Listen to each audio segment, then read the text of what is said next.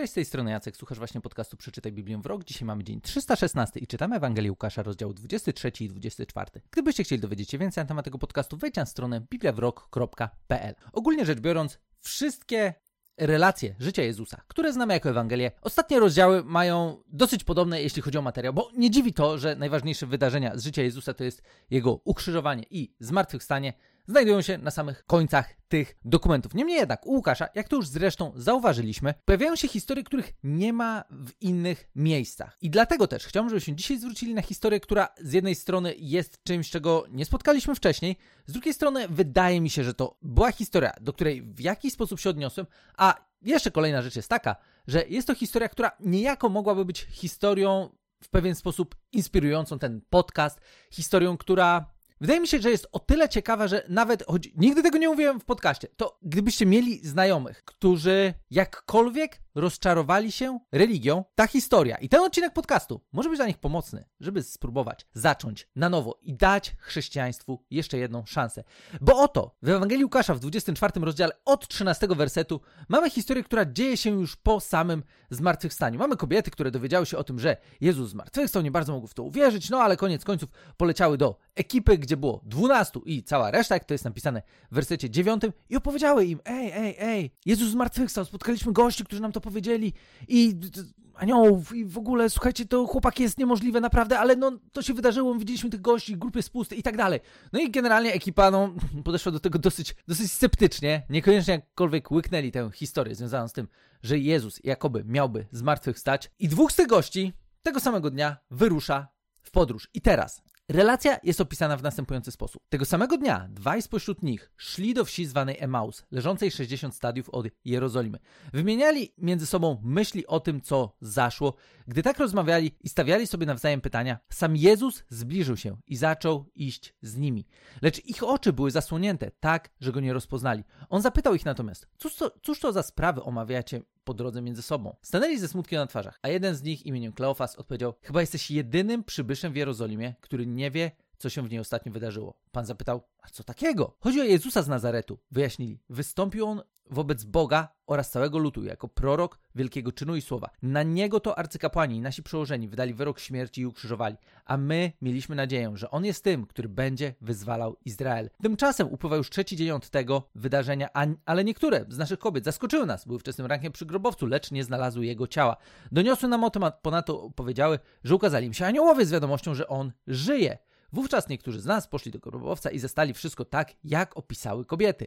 Jego samego jednak nie spotkali. Wtedy Jezus rozpoczął o nierozumni ognuśnego serca. Nie skorzy do wiary we wszystko, co powiedzieli prorocy. Czyż Chrystus nie miał znieść tych cierpień, by potem wejść do swojej chwały. I poczynając od Mojżesza, poprzez wszystkich proroków, tłumaczył im każdy fragment pism odnoszący się do niego. W ten sposób zbliżyli się do wsi, do której zdążali, a on sprawiał wrażenie, jakby chciał iść dalej. Wymogli jednak na nim. Zostań z nami, gdyż zbliża się wieczór i dzień chyli się ku końcowi. Wstąpił więc, by z nimi zostać. Gdy zasiedli do stołu, wziął chleb, pobłogosławił, złamał i zaczął im podawać. Wtedy otworzyły im się oczy, poznali go, lecz on znikł. A oni powiedzieli sobie, czy nasze serce nie płonęło, gdy mówił do nas w drodze i wyjaśniał znaczenie pism. Jeszcze tej samej godziny wstali i wrócili do Jerozolimy. Ta historia jest wyjątkowa dla mnie osobiście z dwóch chociażby powodów. Po pierwsze, mamy tutaj dwóch gości, którzy ewidentnie zawiedli się na Jezusie. Zawiedli się na Jezusie. Byli kompletnie załamani tym, że w zasadzie poświęcili lata swojego życia na to, żeby za nim iść, na to, żeby być jego uczniami. I koniec końców gość umiera. Ale przecież oni mieli taki, takie nadzieje, plany odnośnie tego, co takiego Jezus zmieni w ich życiu. I bardzo często jest właśnie tak, że nasze rozczarowanie się Bogiem, rozczarowanie się religią, jak tamkolwiek, jest związane z tym, że my mamy jakieś wyobrażenie tego, co chcemy, żeby Bóg wniósł do naszego życia, co chcemy, żeby Bóg uczynił w naszym życiu, jak chcemy, żeby Bóg to uczynił. Najlepiej niech Bóg rozegra wszystko tak, jak my sobie to wyobrażamy, i wtedy my jesteśmy gotowi w Niego uwierzyć iść za nim, podporządkować mu swoje życie. W tym przypadku jednak mamy gości, którzy, no właśnie też nieprzypadkowo szli do Emaus. Emaus jest miejscowością, która nie była jakimś kompletnie przypadkowym miejscem. To jest miejsce, gdzie Juda Machabeusz, historia opisana w jednej z ksiąg machabejskich, stoczył zwycięską bitwę, w której szanse w zasadzie na powodzenie były praktycznie nikłe, gdyby spojrzeć na to, ilu on miał żołnierzy, a ilu żołnierzy mieli przeciwnicy. Nie będziemy dzisiaj rozmawiać o tej bitwie, choć historia jest całkiem ciekawa, Niemniej jednak są osoby, które przyjmują, że ci dwaj uczniowie szli do Emaus właśnie dlatego, że chcieli dołączyć do tej zbrojnej części powstania przeciw Rzymianom, co z drugiej strony spinałoby nam się całkiem z tym, co jest napisane w wersecie 21. A my mieliśmy nadzieję, że On jest tym, który będzie wyzwalał Izrael. Oni mieli nadzieję, że Jezus będzie przywódcą militarnym, że rozprawi się z Rzymianami, że zaprowadzi pokój w Izraelu, że będzie pięknie, że będą żyli długo i szczęśliwie.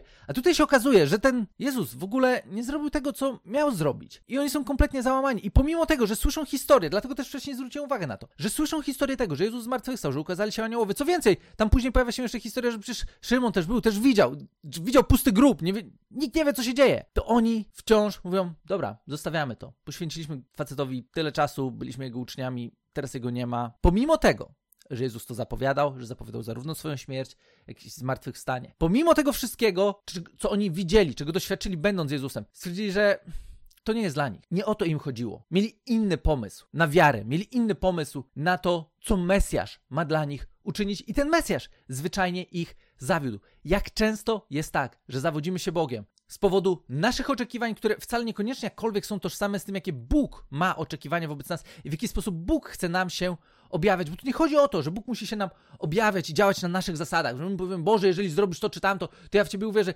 Guzik, mamy dużo więcej powodów, żeby uwierzyć w Boga, niż to, że my wymyślimy sobie teraz jakieś szczególnie specjalne testy na zasadzie, Boże, jeżeli zrobisz to i tamto, to wtedy Ci uwierzę. I choć, okej, okay, dobra, być może są jakieś historie, gdzie rzeczywiście coś tam się wydarzyło i ludzie w jakiś tam sposób uwierzyli, to nie o to chodzi w naszej drodze wiary. Bo to, co Jezus robi, jest fenomenalne. I to jest jeden z powodów, dla których właśnie chciałem ten podcast zrobić, zaczynając od Starego Testamentu. Bo oto Jezus, który w tym momencie jeszcze, będąc totalnie anonimową postacią w tej całej historii, znaczy anonimową dla uczniów, nie anonimową dla nas, bo wiemy, że to Jezus do nich dołączył, oni jednak tego nie wiedzieli. I oni w ogóle nie zjarzyli, pomimo tego, że z nim byli, pomimo tego, że go słuchali, oni w ogóle nie zatrybili, że to Jezus. I czytamy w wersecie 27, że Jezus, poczynając od Mojżesza, poprzez wszystkich proroków, tłumaczył im każdy fragment pism odnoszący się do niego. Jezus stanął w miejscu osoby, która niejako na nowo opowiedziała im historię, na nowo opowiedziała im o co w tym wszystkim chodzi, korzystając nie z czego innego, jak ze Starego Testamentu. Z tego Starego Testamentu, o którym my często powiemy, że a, to jest takie trudne, to jest nie do ogarnięcia, w ogóle weź przestań, kto by to czytał.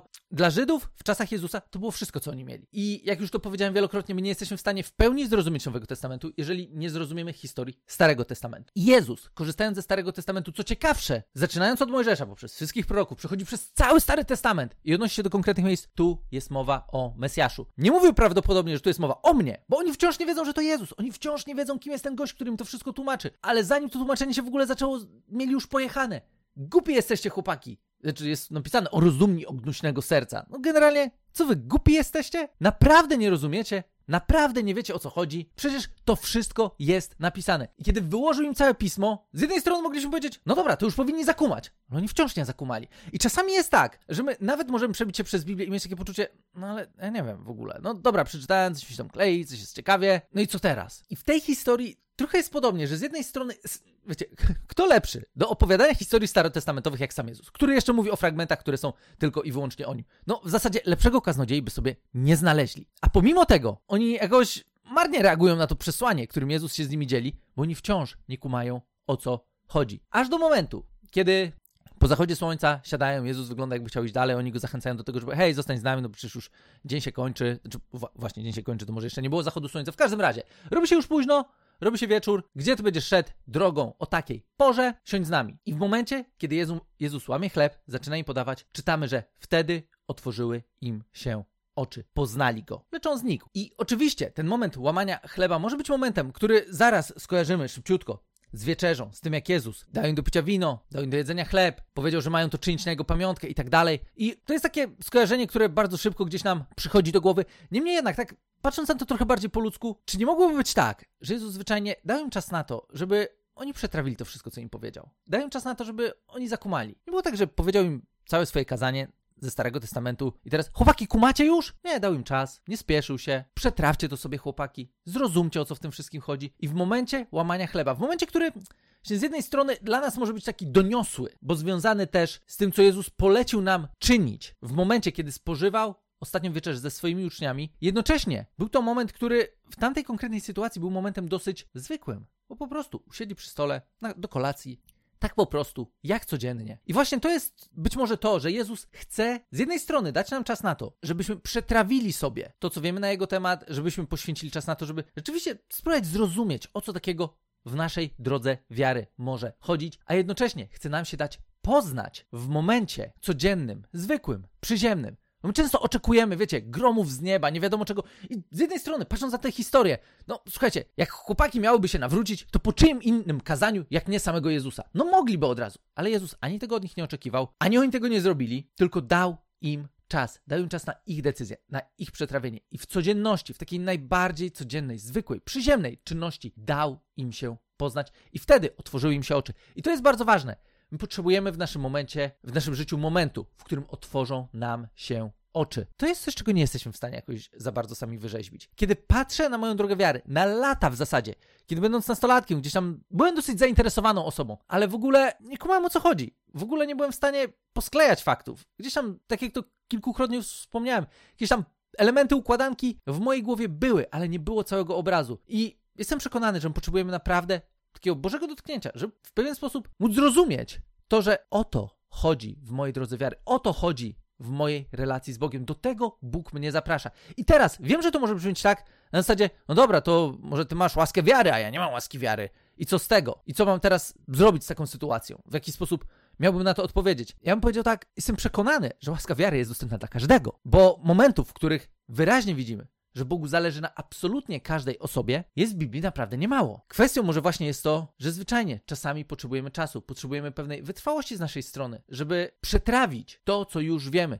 żeby doszukać rzeczy, których nam jeszcze w naszej historii brakuje, do tego, żeby nasza decyzja o tym, że chcemy iść za Jezusem, była zwyczajnie dojrzała i świadoma, a nie taka na zasadzie, a wiecie, posłuchałem fajnego podcastu, słuchałem jakiegoś kazania, byłem na rekolekcjach, bomba, teraz będę uczniem Jezusa, teraz idę za Bogiem na całego, będę się starał dla Niego żyć całym swoim serduchem. No i wiecie, mija dzień, dwa, emocje opadają, kurz opada, zaczyna się codzienność i lipa. Bardzo często tak kończą się decyzje, które są podejmowane właśnie w momentach jakiejś podniesionej ekscytacji, w momentach właśnie takich wyjątkowych, uroczystych. A Bóg chce, żebyśmy naszą drogę wiary przeżywali bardziej w naszej codzienności niż w tych wyjątkowych momentach. Nie, żeby tych wyjątkowych momentów miało nie być, ale niech te wyjątkowe momenty będą czymś, co będzie nas umacniało w naszym codziennym stawianiu kolejnych kroków wiary. Po to, żeby móc zrealizować swoje powołanie, żeby móc odkrywać swoje powołanie i przede wszystkim w ramach odkrywania tego powołania odkrywać osobę samego Jezusa, spotkać się z Nim, zrozumieć o co Jemu chodzi, co dla Niego jest ważne, w jaki sposób On wyobraża sobie tę historię, w jaki, w jaki sposób On to wszystko zaplanował, w jaki sposób On realizuje konsekwentnie dalej swój plan na ziemi i w jaki sposób my możemy stać się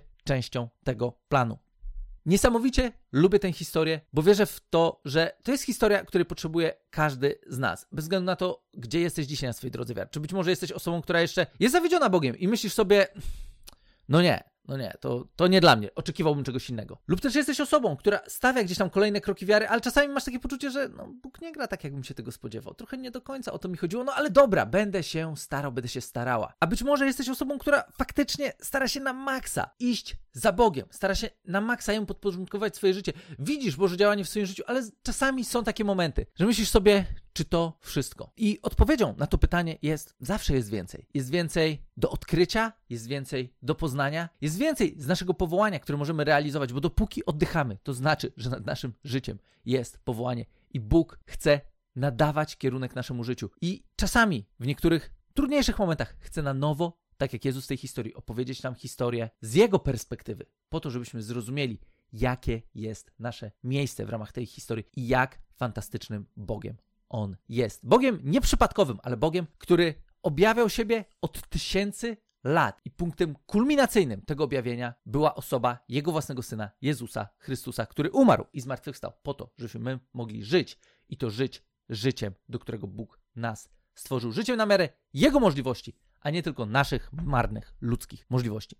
Gdybyście mieli jakieś dodatkowe pytania, chcieli dowiedzieć się czegoś więcej, możecie wejść na stronę bibliawrok.pl lub napisać do mnie na adres jacekmałpa.bibliawrok.pl tym odcinkiem zakończyliśmy naszą podróż z Ewangelią według Łukasza, ale to nie koniec pism Łukasza, bo już jutro gładko przejdziemy do Księgi Dziejów Apostolskich, kontynuując tak naprawdę taki dwuksiąg, którego autorem jest właśnie Łukasz i dowiemy się, co takiego dalej działo się po zmartwychwstaniu i w jaki sposób historia pierwszych uczniów Jezusa może być dla nas inspiracją do jeszcze bardziej owocnego życia. A tymczasem wielkie dzięki za dzisiejszy odcinek i do usłyszenia już jutro w kolejnym.